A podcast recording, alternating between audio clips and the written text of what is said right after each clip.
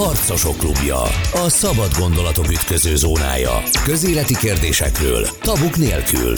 Az érvek és a vita egy órája a Spirit fm Gavra Gáborral, az atv.hu főszerkesztőjével. Ez a Harcosok klubja, a Spirit fm a szerkesztő Szabó Betty, a műsorvezető Gavra Gábor, vendégünk pedig Molnár Zsolt, az MSZP pártigazgatója. Köszönöm, hogy elfogadta a meghívásunkat. Köszönöm szépen a lehetőséget.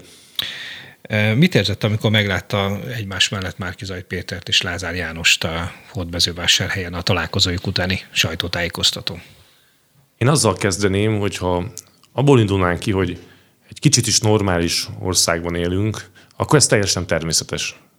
Hiszen egy megyei jogú város polgármestere és egyéni országgyűlési képviselője, hogy beszélgetnek egymásról, várhatóan vagy vélelmezhetően a térség problémáiról, választókerületről, hódmezővásárról, ennek, ennek, ha mondom, kicsit is normális országban élnénk, és a közállapotok olyanok lennének, akkor ez nem is lenne hír.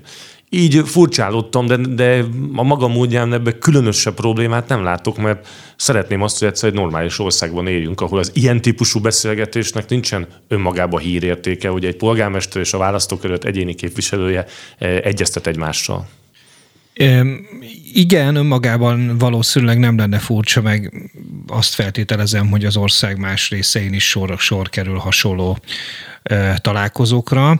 Csak ugye az a helyzet, hogy a mögöttünk van egy kampány, és ennek a kampánynak a során hát elég, hogy mondjam, szokatlanul azért több ízben elhangzott az, akár a miniszterelnök jelölt részéről, hogy az ellenzék soraiban kollaboránsok vannak, most pedig a héten nem a miniszterelnök jelölt, hanem a hatházi Ákos nevezte konkrétan a Jobbikot, az MSZP-t és az LMP-t kollaboránsnak.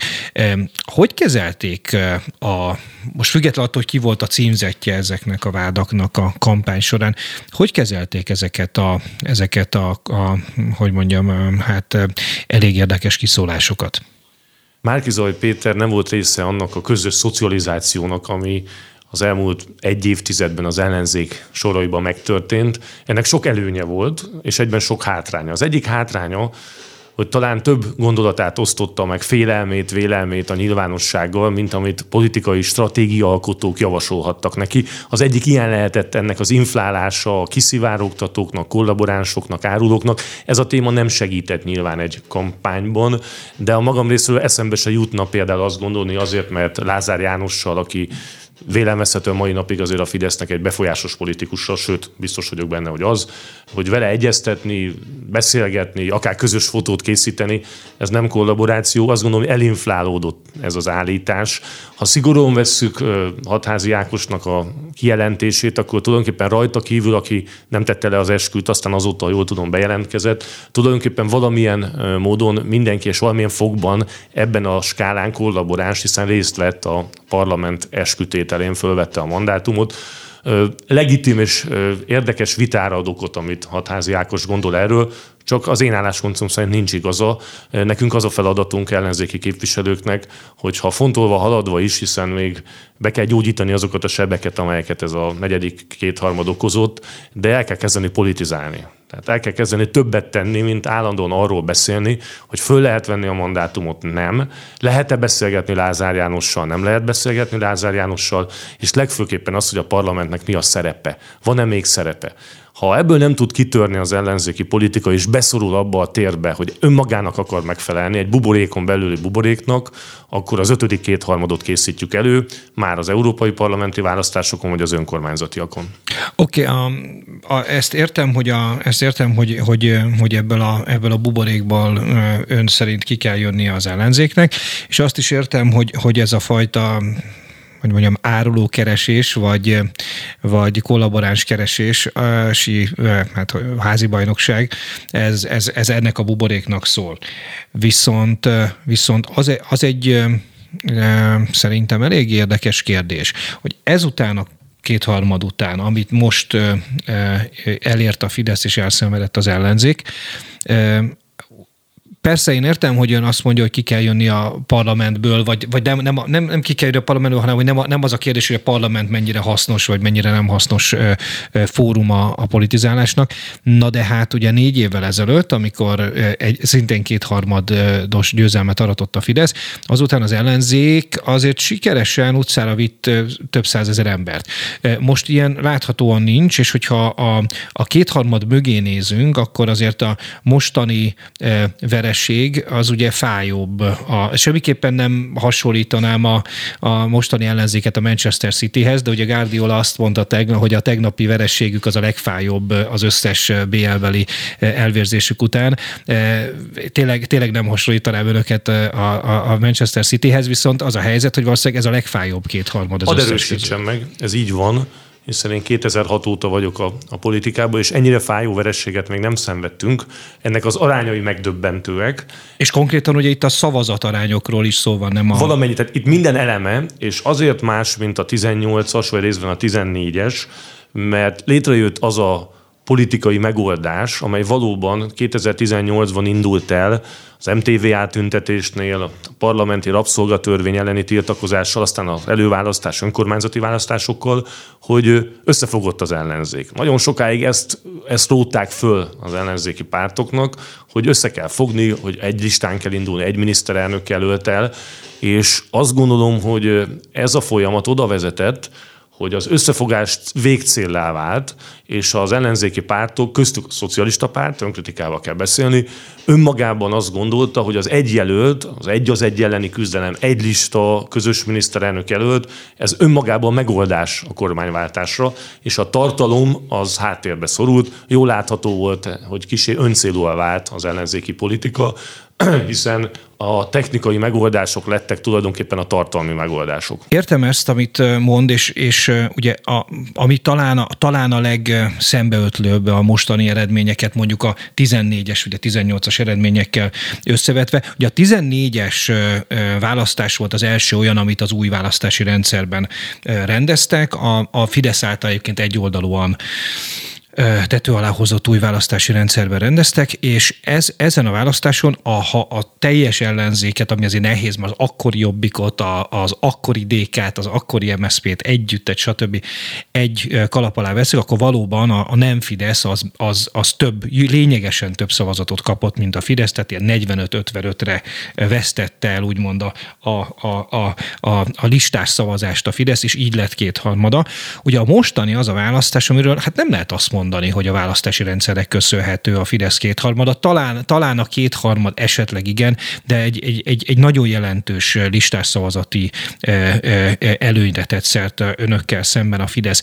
Én azt szeretném megkérdezni, én ért, értem azt, amit mond, hogy, hogy, hogy, hogy itt a, a politika tartalma elveszett, és beszéljünk is majd arról, hogy, hogy ön szerint hogyan lehetne esetleg visszaadni ezt a, ezt a tartalmat, de, de azt mennyire sikerül sikerült az elmúlt picit több mint egy hónapban felmérni, hogy hol mentek el ezek a listás szavazók.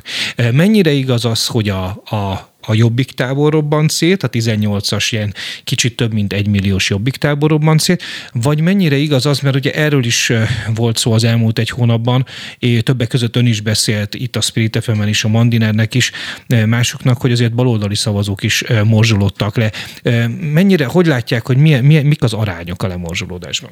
Mind a kettő igaz, bár sokan voltunk, akik az elejétől fogva azt mondtuk, hogy nem matematikai összeadás az összefogás, tehát nem lehet automatikusan összeadni. Nyilván elsősorban a jobbik szavazók voltak olyanok, akik ugye 14-ben és 18-ban a Vonagábor vezette jobbikra szavaztak, abból nem következik egyértelműen, hogy most egy Márkizaj Péter vezette széles koalíciót is támogatni tudtak volna. Biztos, hogy itt mentek el szavazók. Ez nem kérdés.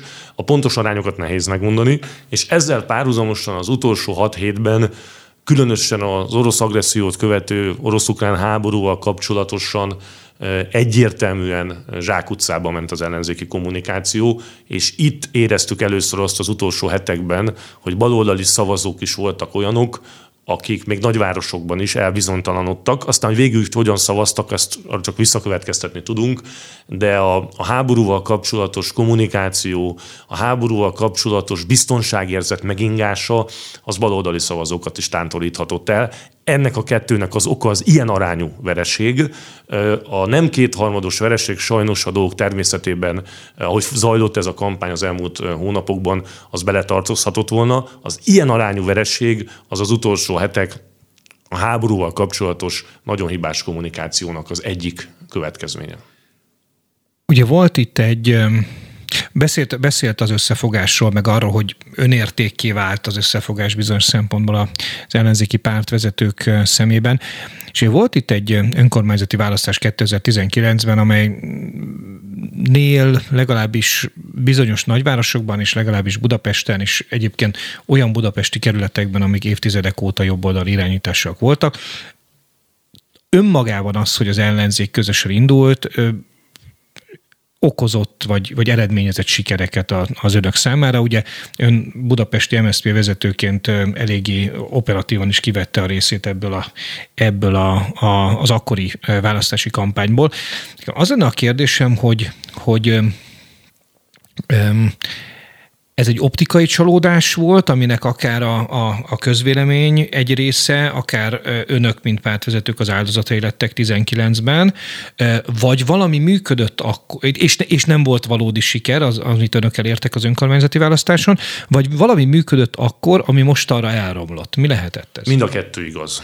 Az optikai csalódás annyiban igaz, hogy más tétet adott a Fidesz az önkormányzati választásoknak, és más környezetben is zajlott, hiszen a, amiről az önkormányzati választásokkal kapcsolatosan sikerekről tudunk beszélni, azok tipikusan nagyvárosi környezethez kötődnek. Természetesen meglepetésszerű kisebb sikereket értünk el, nem csak nagyvárosokból, de ha megnézzük, hogy Budapest, Szeged, Pécs, Dunajváros, Eger, Miskolc, ezek a városoknak komoly nagyvárosi hagyományai vannak, komoly egyetemi hagyományai, vagy főiskolai hagyománya jelentős részüknek, ezért, ezért ebben a környezetben azért legyünk őszinték, a, a mostani ellenzéknek könnyebb dolga volt, mint egy olyan általános országgyűlési választáson, ahol valamennyi település azonos szavazati joggal számít, hiszen ebből a szempontból nem volt jelentősége annak, hogy Budapesten például túlnyerte magát az ellenzék, ezzel nem lehetett választást nyerni. A, a másik, ilyen értelemben ok, hogy akkor működött a, a, az ellenzéki együttműködésnek az újdonságából fakadó varázs, és az is működött, hogy Karácsony Gergely integrálta az ellenzéki pártokat Budapesten, integrálta az ellenzéki szavazókat. Tehát egy olyan ö, hagyományos szóval mondom, nem tudom, jó hasonlott ezt a népfront logikát, hogy tulajdonképpen aki nem Fidesz, az Karácsony Gergely mögé beáll Budapesten, és ennek más városokban is lehet felhajtó eleje. Tehát Optikai csalódás is igaz, hiszen, hiszen azért ha pontosan megnézzük, azért azt az önkormányzati választást is a Fidesz nyerte, csak nem olyan arányban, mint korábban. Más szempontból pedig ez az előválasztásból fakadó Karácsony Gergő által integrált ellenzéknek azért, azért tényleg komoly sikere volt. Ez a kettő állítás így együtt igaz, nem oltják ki egymást. Ha megnézzük a mostani, és egy picit maradjunk még Budapestnél, aztán térjünk át arra, hogy, hogy mi vár Magyarországra és mi vár az ellenzékre 2022 után. Ha megnézzük a mostani választási eredményt Budapesten, akkor azért azt látjuk, hogy ugyanaz, amit országosan önök sokszor elmondtak, és egyébként főleg 14-ben ez még több joggal, mint most, hogy azért ez a, ez a Fidesznek kedvezőek az egyéni választókerületi határok, és, és hogy úgy rajzolt át a, a választási rendszert, hogy az neki kedvezzen. Ez ugye most Budapesten bizonyos szempontból megfordult, mert hogy azért azok a, az a 17 egyes arány, ami, ami a, a, amivel az ellenzék megnyerte a budapesti egyéni választókerületeket, nem tükrözi azért pontosan a, a, a Budapestnek a hangulatát tehát azt hogy látja, hogy, hogy miben kell változtatni adott esetben most kifejezetten Budapest vezetésére értem Karácsony Gergelynek és a budapesti városvezetésnek, amelynek ugye önök is a, a, az integráns részei. Mi, miben kell változtatni? Mert azért itt, itt hogyha, hogyha egy picit, szóval azért Hiller Istvánt megszorongatták, Kunhalmi Ágnes a Havanna lakótelepet elvesztette, bár behúzta a, a magát az egyéni választókerületet. Szóval, hogy mi, mi az, amit másképp kell csinálni a következő években? Azzal kezdeném, hogy igen, a budapesti eredménynek két olvasata van. Az egyik a 18 per 17, sőt még az is, ha a kerületekre bontjuk, akkor 23 kerületből 20-at listán, listás alapon hozott az ellenzék, tehát formailag kiszorítottuk a Fidesz Budapestről ezen a két választáson.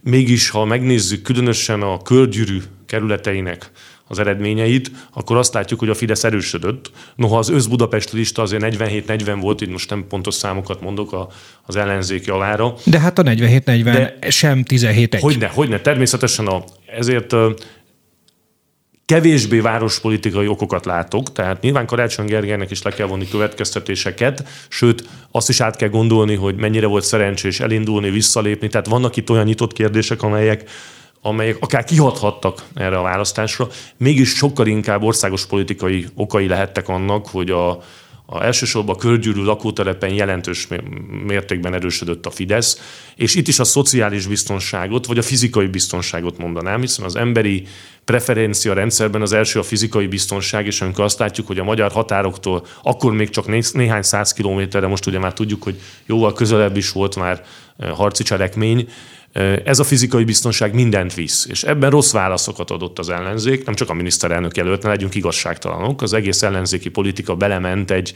rosszul felfogott orosz és Putyin ellenességben, sőt a Szovjetuniót és a kommunizmus bele keverve, ami, ami hiba volt ebben a formában. Tehát nem az a kérdés, hogy NATO-EU ország vagyunk, és milyen az értékrendünk, hanem az, hogy egy országgyűlési választáson lehet-e profitálni abból, ahogyan mi kommunikáltunk, profitált belőle a Fidesz. A másikok a szociális biztonság Budapest ezeken a, ezen területein, nyilván a alacsonyabb jövedelműeknél, vagy a szociális értelemben kiszolgáltatottabb társadalmi rétegeknél, ilyen Budapesten is nem kevés van sajnos, könnyebb a Fidesznek az a politikája, amely a rezsicsökkentésre, az adókedvezményekre, a nyugdíjasoknak adott juttatásokra helyezte a hangsúlyt, és ha valahol felelőssége van például a baloldalnak, közte a szocialista pártnak, hogy ebbe a közös programban nem tudott elég erőt adni, hogy ezeket a szociális vívmányokat kellő hangsúlyjal képviseljük, és ezzel párhuzamosan a háborús retorikába pedig egy leegyszerűsített kommunikációt folytattunk, ami láthatóan nem tetszett a magyar társadalomnak. Ezt, amit most ebbe kapaszkodnék bele, amit most így az utolsó válaszában mondott, hogy, a, hogy mennyire volt ereje az MSZP-nek és a többi baloldali pártnak a, a közös ellenzéki programba baloldali elemeket begyöböszölni. Ugye azt mondta a választás utáni értékelőjében, pontosabban értékelőiben, mert kettő is volt Gyurcsány Ferenc, hogy, hogy ez egy lehetetlen konstrukció, hogy egy baloldali dominanciái összefogás jobboldali miniszterelnök jelöltel vág neki a választást. Ugye ön ez, ebben az ügyben e, tompította ezt, vagy hát vitába szállt ezzel a Mandinernek adott interjújában, de egyébként abból a szempontból azért lehet igazság abban, amit Gyurcsány Ferenc mondott, hogy a, a baloldali pártok, és ez egyébként épp úgy igaz a DK-ra, mint az MSZP-re, mint hogyha az elmúlt ciklusokban bizonyos szempontból szégyelték volna azt, hogy baloldaliak, vagy legalábbis nem reklámozták volna annyira, nem került volna ez annyira a kirakatba. Ugye a DK esetében, de ezt majd nyilván majd egy DK-s politikussal megvitatjuk, ugye ez az, ez az európázás helyettesítette a baloldaliságot. Az MSZP-nél pedig, pedig ugye a kritikusaik azt szokták szokták mondani, hogy, hogy, hogy kiszervezte az identitását a párbeszédbe, és egy ilyen, ilyen zöld, zöld, szintén ilyen zöld európai e, identitásra lett, de hogy minthogyha a hagyományos baloldali értékek el lettek volna felejtve. Nem szívesen mondom, de sok igazság van ebben, még ha minden nem is így van. De nézzük a két állítást, amikor Gyurcsány Ferenc azt mondja, hogy lehetetlen küldetés volt nem baloldali miniszterelnök jelöltel baloldali vívmányok mentén legyőzni a jobboldali kormányt, akkor ebben részigasság van, de én annyiban tompítom, hogy sokkal inkább személyes karakterek küzdelme volt ez. Nagyon kevés ember volt az, aki az ideológiákat ennyire követte, de az abban igaza van, nem csak Gyurcsány Ferencnek, hanem mindenkinek, aki azt mondja, hogy ebből a kampányból a hagyományos baloldali értékrend szinte kiveszett, és úgy kellett megküzdeni minden egyes eh, morzsáért, hogy benne maradjon a közös programban, no pláne a közös kommunikációban. Ez tényleges küzdelem volt? Ez Tehát, tényleges küzdelem volt. E, és nyilván, nem... nyilván, nyilván az ellenzéki politikusok egy része utólag is, tehát a kampány után is próbál egymáshoz lojális lenni, de azért ha azt muszáj megkérdeznem, hogy ez a küzdelem ez Márkizaj Péterrel ö, folyt. Tehát nem ő, csak Márkizaj rajta... Péterrel volt, Jakab nyilván Péterrel? az ő, ő stábjával, nyilván a kommunikációs háttéremberekkel, gazdaságpolitikusokkal, és a pártok egy részével is, akik ezeket Hadd kérdezem már, ne, nem mondjon neveket, de mit, mit mondtak ők a, arra, hogy miért, miért nem jó ezt a, ezt a, egy percünk van az első részből, hogy akkor ezt beszéljük már meg, hogy mi, miért, nem, miért, nem, miért, miért nem lehet baloldali Itt a, a kádári nosztalgiától, az osztogatáson át, a vállalhatatlan baloldali vívmányok, és nem lesz rá pénz, rengeteg ok volt, de nem szabad ezt sem Márki Zaj Péter nyakába varni, hiszen ő az egyik szereplője volt ennek, akik nem adtak elég esélyt és elég kommunikációs teret ezeknek a baloldali gondolatoknak, de talán uh, újra ebbe a pocsolyába nem fogunk belelépni, ezért uh, záró mondatnak azt gondolom az első blokkra jó lehet, hogy ebből tanulni kell, és a, ezeket a baloldali vívmányokat hangsúlyosan kell most visszahozni a Magyar Szocialista Pártnak. Na innen folytatjuk akkor a Harcosok Klubját, a Spirit fm egy rövid szünet után várjuk Önöket vissza. Harcosok klubja. A szabad gondolatok ütköző zónája. Közéleti kérdésekről, tabuk nélkül. Az érvek és a vita egy órája a Spirit fm Gavra Gáborral, az atv.hu főszerkesztőjével. Folytatódik a Harcosok Klubja a Spirit fm a mikrofonnál Gavra Gábor, a szerkesztő Szabó Betti, vendégünk pedig Molnár Zsolt, az MSZP pártigazgatója. Köszönöm, hogy elfogadta a meghívásunkat, a kedves hallgatóknak pedig köszönöm, hogy újra itt vannak velünk. Ott tartottunk, hogy azt arról beszélt eh, Molnár Zsolt, meg arról beszéltünk Molnár Zsoltal, hogy a baloldali eh, értékek le voltak tompítva ebben a kampányban, és hogy minden egyes ilyen elemért meg kellett küzdeni a kampány során, meg kellett küzdeniük a különböző eh, baloldali pártoknak, hogy bekerüljön a közös kormány, vagy hát választási programban, mert kormányprogramtól ugye elég messze lettek végül is. A, beszéljünk egy picit a baloldaliságról és az MSP jövőjéről, meg közelmúltjából. Szóval, hogy a, a maga az MSP az mint hogyha Hát gyakorlatilag a 2010-es évek elején lett volna utoljára legalábbis kifelé látványosan büszke arra, hogy egy baloldali párt, és hogy Hordjula pártja. Ugye ön, ön, ön talán az egyetlen ma, mai első vonalbeli MSZP-s politikus, aki gyakran szokta eh, emlegetni eh, Horn Gyulát. Ugye a már említett Mandiner interjúban kiderült az is, hogy a, a, az irodáját Horn Gyula eh, portréja díszíti. Eh, ez, ez mennyire egy élő identitás az MSZP-ben, a horn, horni örökség, illetve a másik kérdésem az az, hogy, hogy, ha, hogy nem tudom mennyire fogadja el azt az állítást, hogy, hogy az elmúlt egy-másfél ciklusban a, az MSZP kiszervezte az identitását a párbeszédbe, és gyakorlatilag Karácsony Gergely, eh, mint közös miniszterelnök jelölt egy ilyen közös eh, identitást eh, jelenített meg, a MSZP-s párbeszédes identitást, hogy, hogy mennyire tudja most visszaszerezni a saját identitását az MSZP, hogy, hogy, hogy a párbeszéd eleválnak egymásról? Mind a két téma nagyon érdekes. Kezdeném a Karácsony Gergelyre és a párbeszéddel viszony és a kiszervezett identitással. A szocialista párt az elmúlt egy évtizedben az összefogás oltárán talán túl sokat is áldozott. Túl sokat adtunk föl önmagunkból azért, hogy létrejöjjön egy olyan típusú együttműködés az ellenzéki oldalon, amely elvi esélyt kínált a hatalom leváltására. Gyakorlatilag sajnos, mint látjuk, ebből a választási eredményből nem. És valóban igaz ez a kritika, hogy az önfaladás túl sok volt, hiszen a összefogásért, a közös listáért, végül a közös miniszterelnök jelöltél, akire nagyon sok jót is lehet mondani, tegyük hozzá, de hogy baloldali lenne, na azt nem már Márkizaj Péterre gondolok, de ez a probléma már korábban elkezdődött a Magyar Szocialista Pártban. Mondjon már egy jót akkor Márkizaj Péterről, legyen szíves. Elképesztő energiával és hittel dolgozott, tényleg azt kell mondani, azt lehetett érezni, hogy az a hit, az az energia, ami kisugárzott nagyon sokszor, az lendületet adott a politikus társainak. Talán néha az energiabomba vagy a lendület tovább is vitte, ha már foci hasonlatot említett előbb, sokszor futott lesre, olyan lendülettel indult el a, a támadás, és ugye tudjuk, hogy a, a les helyzet és a lesgól az pont semmit nem ér, hanem szabadrugás kifelé.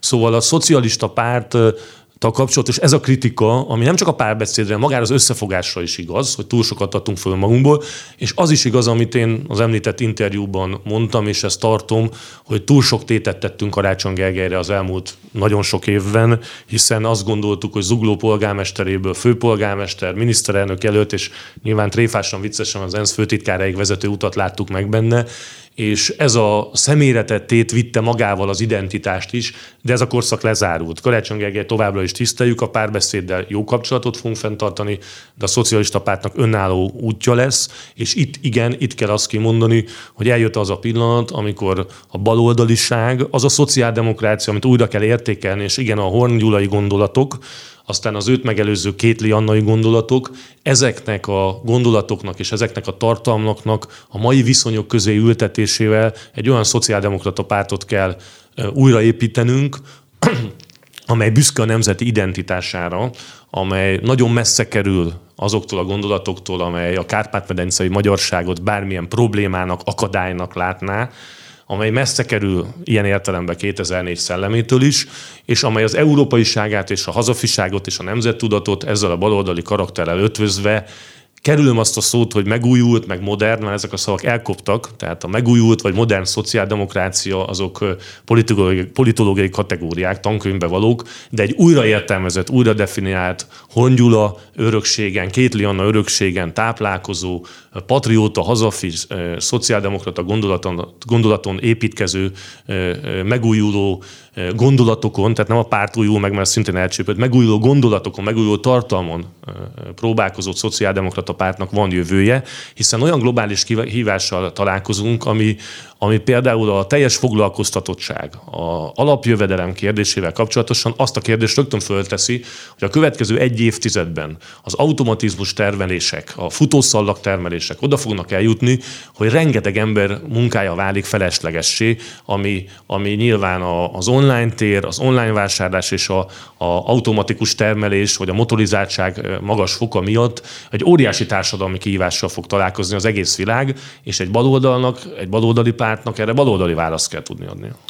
Na most nagyon sok minden elhangzott az előbbiekben, két Lianna neve, Horn neve, de szerintem induljunk el visszafelé időben, és akkor kezdjük 2004-től. Ugye kedves hallgatók egy része valószínűleg nem tudja, hogy Molnár Zsolt mire gondolt, amikor 2004 szelleméről beszélt. Ugye ez a, ez a kettős állampolgárságról szóló népszavazásról van szó, amikor, ami érvénytelen lett annak idején, bár az igenek voltak többen, viszont a Gyurcsány Ferenc vezette akkori kormány, MSZP-SZDSZ kormány, az egyértelműen a nem, pontosan a nem és az érvénytelenség mellett kampányolt. Tehát ez az, ami, ez az, amit, ez a szellemiség az, amit az MSZP politikájából száműzne Molnár Zsolt. És itt bocsánat, egy, egy mondatot engedje meg. Elhangzott egy név, én véletlenül se szeretném kiegyezni ezt egyetlen emberre, Gyurcsány Ferencre. Én a szellemiséget idéztem meg, ön is így mondta. Ennél sokkal komplexebb probléma volt. Akkoriban egy politikai kategóriaként internacionalista, balliberális világról beszéltünk. Én ettől a szellemiségtől gondoltam, hogy tovább állunk, és nem akartam kiegyezni egy politikusról, az MSZP akkori néhány vezetőjére, ennél komplexebb probléma volt, csak azt nem szeretném, hogy ez a megfejtés legyen, hogy ezért is Gyurcsány Jó, Ferenc nem, személyes felelős. Esze, eszembe nem volt ilyen bele, belerángatni ön semmilyen gyurcsányozásba, csak a hallgatóknak szerettem volna felidézni, hogy miről veszük. Feltételezem nem az EU csatlakozásra, ami szintén 2004-ben volt, hanem, hanem, hanem ez, ez, e, erre gyanakodtam erre a népszavazásra, de akkor ez, ez helyes volt ez a gyanú. Most én azt szeretném megkérdezni, hogy, hogy ugye ez a, ez a fajta, hát ez, akkor maradjunk ennél, hogy 2004 szelleme azért okozott egy erős törést a magyar baloldal és a határon túli magyarok viszonyában. Most teljesen független attól, hogy Marosvásárhely mellett kicsoda mit talált, az elégette, nem égette, stb. Az teljesen egyértelműen látszott, hogy, hogy mindenféle eh, esetleges simlik nélkül is a határon túli magyaroknak a több mint 90 százaléka lett, lett Fidesz szavazó, hogy ezeket a sebeket így közel 20 év távlatából hogyan lehet begyógyítani? Nagyon fontos, amit ön említett, és rögtön szeretném tisztázni, hogy nem szavazatokért folyik ez a küzdelem. Nagyon messze vagyunk mi attól baloldali pártként, hogy mi azért harcoljunk, hogy érdemi szavazatokat kapjunk a Kárpát-medencei magyarságtól. Ezt elvi, tartalmi alapon kell meghoznunk ezt a döntést, és nagyon sok idő múlva lehet majd arról beszélni, hogy hogyan lehet majd ott olyan vonzó politikát, olyan nemzetpolitikát gyakorolnunk, ami szavazatokról szól. Tehát ezt tegyük is félre. A sebek begyógyítása elkezdődött, magam is ott voltam Kolozsváron, amikor mondjuk ki Mesterházi Attilával többen megkíséreltük ezt helyre tenni, aztán felszólaltam magam is az RMDS kongresszusán az a megtiszteltetésért.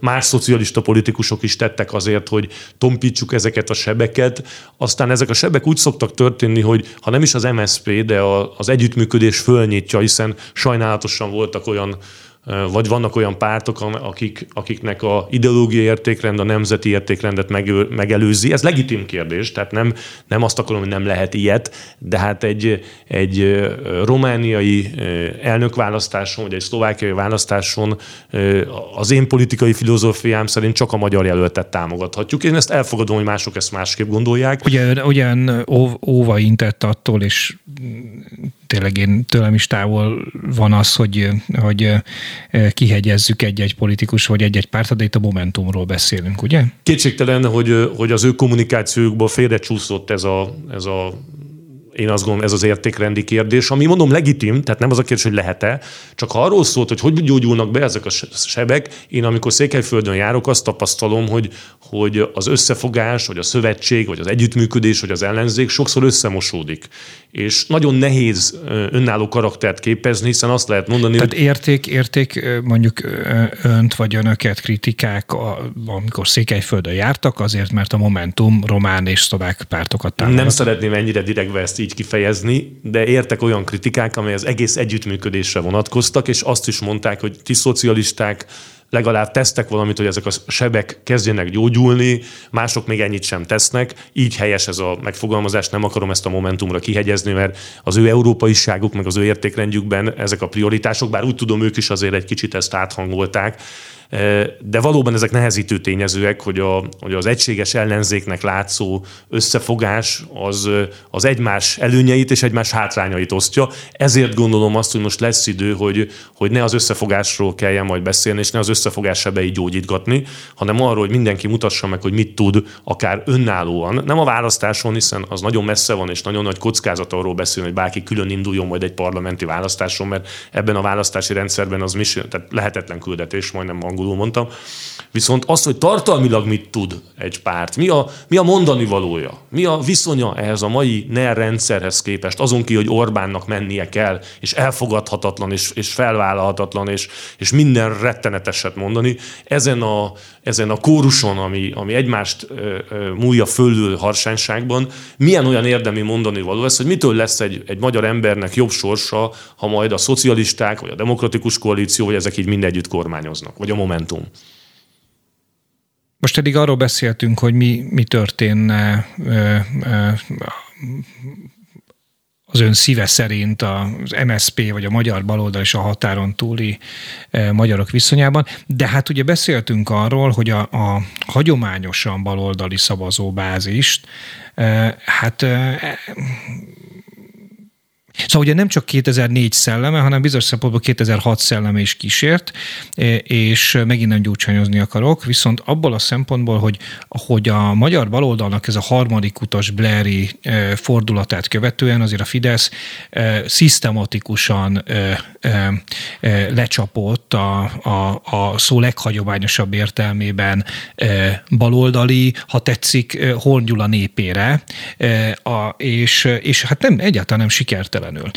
Az ő számukra ön szerint, most, hogy, mert, mert beszéltünk arról, hogy a határon túli magyarok számára milyen mondani valót látna helyesnek az MSZP részéről, az ő számukra mit, mit, mit tud üzenni az MSZP 2022-ben? Rögtön válaszolok, de előtt egy nagyon fontos tényállítás, annyira jól foglalta ön össze Orbáni politikát az elmúlt évtizedben, a baloldalnak tett látszatgesztusokat, hogy nekem egy nagyon idős ismerősöm, akivel nem is messze innen a temetőben szoktam találkozni, beszélgetni, amikor édesapámhoz eh, kimegyek, ő azt mondta, hogy Orbán Viktor egyszerre Horti Miklós és Kádár János. És ez nem kis bravúr, ha egy politikus ezt meg tudja tenni, hogy mindkét értékrendet magáénak valva tud szavazókat integrálni, No ezzel szemben csak egy nagyon-nagyon eh, mély, tartalmi mondanival rendelkező baloldalnak van esélye visszaszerezni ezeket a szavazókat. Az első, hogy a magyar embereknek, különösen azoknak, akik a középosztályba kapaszkodva próbálnak nem lecsúszni,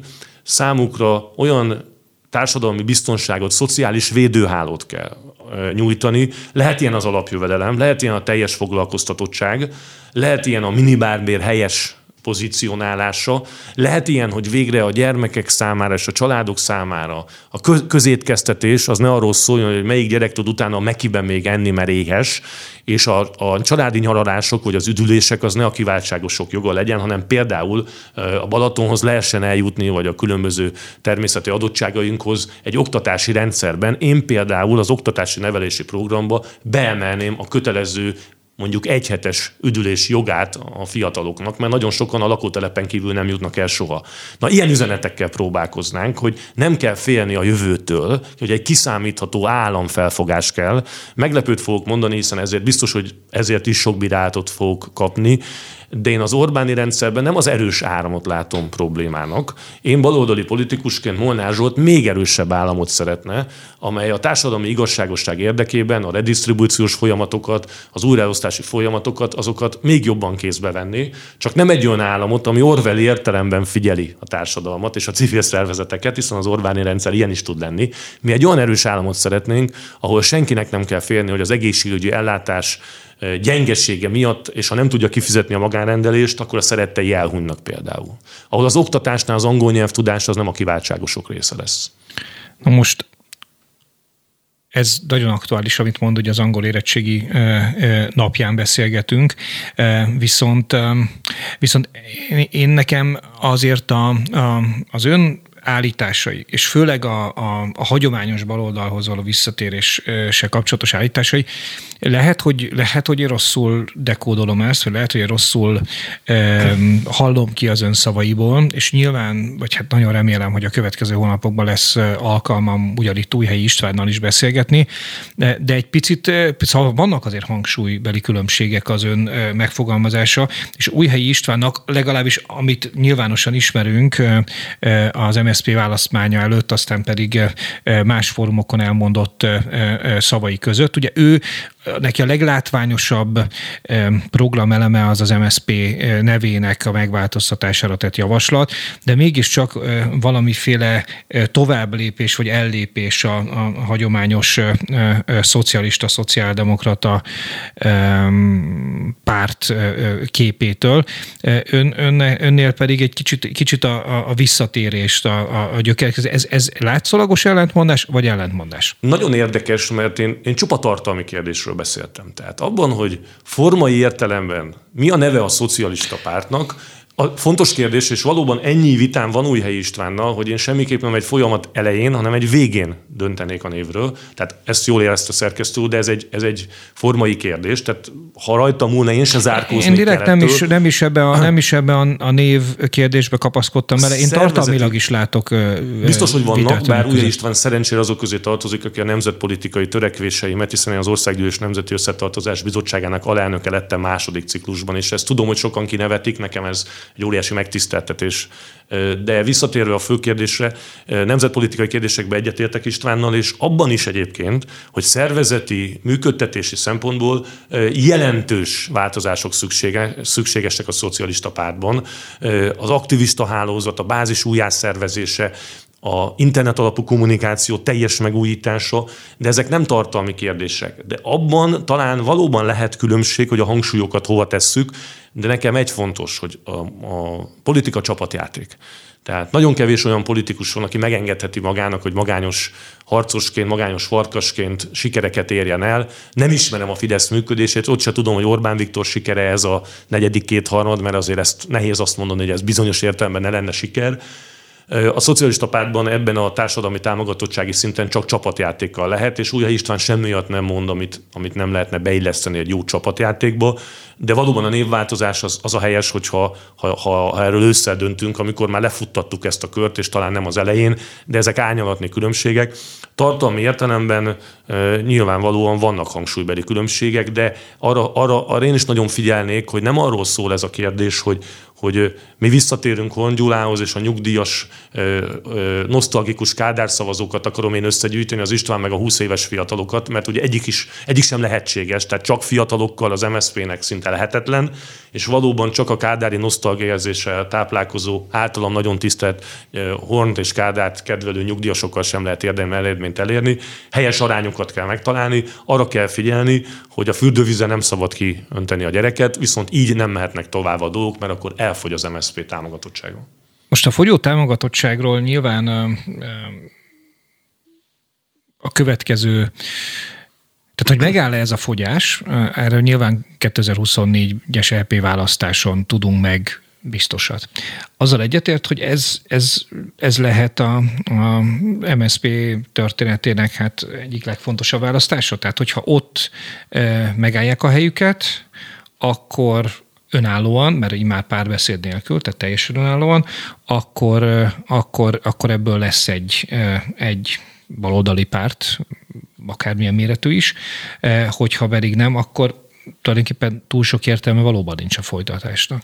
Egyszerűsített kérdésfeltevés, de nagyon őszinte, hiszen a társadalom egy része számára így fog lejönni. Én azt gondolom, hogy a két év sok, nekünk egy év alatt már olyan eredményeket kell elérnünk, ami a tartalmi üzeneteink, a szervezeti működésben, a média viszonyokban látható előrelépést mutatnak a Magyar Szocialista Párt számára, és egy fontos, értékmérő lesz az európai parlamenti választás, ahol én ki nem mondanám, hogy önállóan kell indulni, mert akkor rögtön megkapjuk azt, hogy mi bombasztjuk a együttműködést. Mégis a valószínűség amellett szól, hogy azon önállóan fognak indulni. De hát, hogyha ha jól követtem a párbeszéd, akkor akikkel önök közösen indultak 2019-ben, akar önállóan indulni, tehát a nagyon nagy mozgástere innentől Nem kezdve. is a párbeszédre gondoltam, hanem amellett lesznek érvek, hogy az ellenzék egységesen induljon az európai parlamenti választásokon, hiszen annak a tematikája akár kedvezhet az ellenzéknek, és együtt akár ezen a listás választó, választáson, ha ugye nincsenek egyéni választókerületek, akár legyőzhető lenne a Fidesz. Én most ilyen elméleteket mondok. Nem én akarom megtörni ezt a logikát,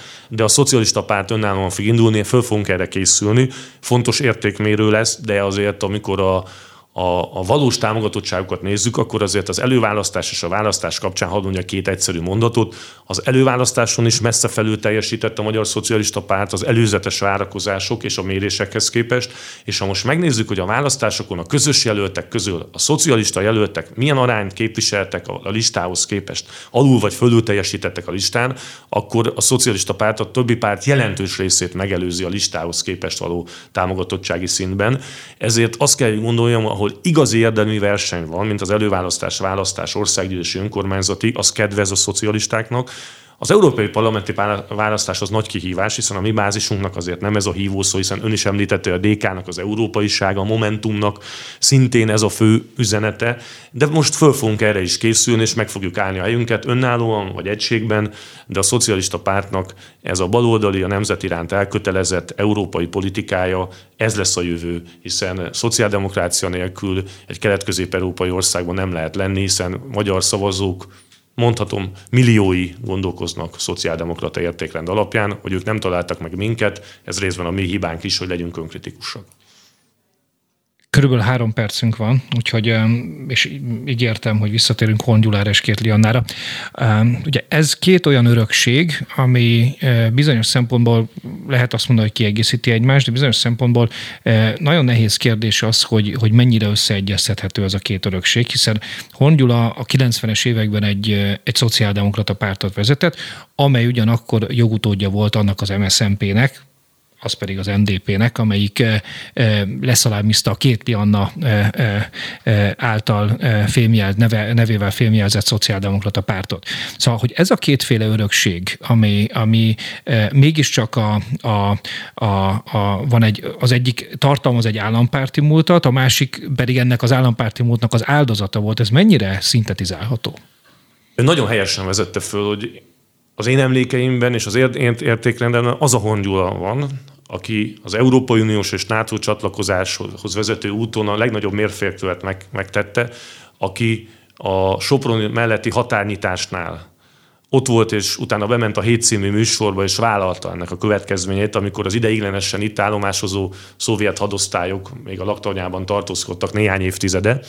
Nekem ez a szociáldemokrata európai politikus, aki Helmut Kohl barátjának vallotta magát, akire azért, hogy mondjam, pártállami vagy kommunisztikus érzéseket nehéz ragasztani Kohn barátságára. Ez a típusú modern szociáldemokrácia a 90-es években, és Kétli Anna hazaszeretete, és a 20-as, 30-as évek holti rendszer nehézségei közepette való helytállások, ezek olyan örökséget képviselnek, amit be kell építenünk a mi gondolkodásmódunkba, de nem lehet itt leragadni, tehát egyszerű megoldás lenne, ha csak az ő munkásságuk alapján mennénk tovább. Olyan új kihívások vannak a, az online térrel, a közösségek megszűnésével, tehát egy baloldali pártnak a közösségekre kell épülnie. Az nem közösség, hogy valaki online kocsmába jár, el kell menni a rendes kocsmába és meginni a kisfröccsöt, vagy, a, vagy az unikumot egy sörrel, hogy klasszikusokat idézzünk. Ebben a közösségépítésben jó volt a korábbi szociáldemokrácia mozgalmak, és Horn Gyula is jó volt ebben a közösségépítésben. Én, én most merítettem. Azt gondolom, hogy nem mindenkinek, minden életútjának, minden mozzanatát említettem föl, hiszen Horn Gyula életéből is tudnék olyat mondani, ami nem követendő példa, de jó, sokkal több van olyan, amelyik követendő példa. Ennek a szintézise, ez az, az ideológia, ami lehet építkezni. Ez volt a Harcosok Klubja a Spirit fm. Nagyon köszönöm Szabó Betty szerkesztőnek a munkáját, a kedves hallgatóknak a figyelmét, Molnár Zsoltak az MSZP pártigazgatójának pedig azt, hogy elfogadta a meghívásukat.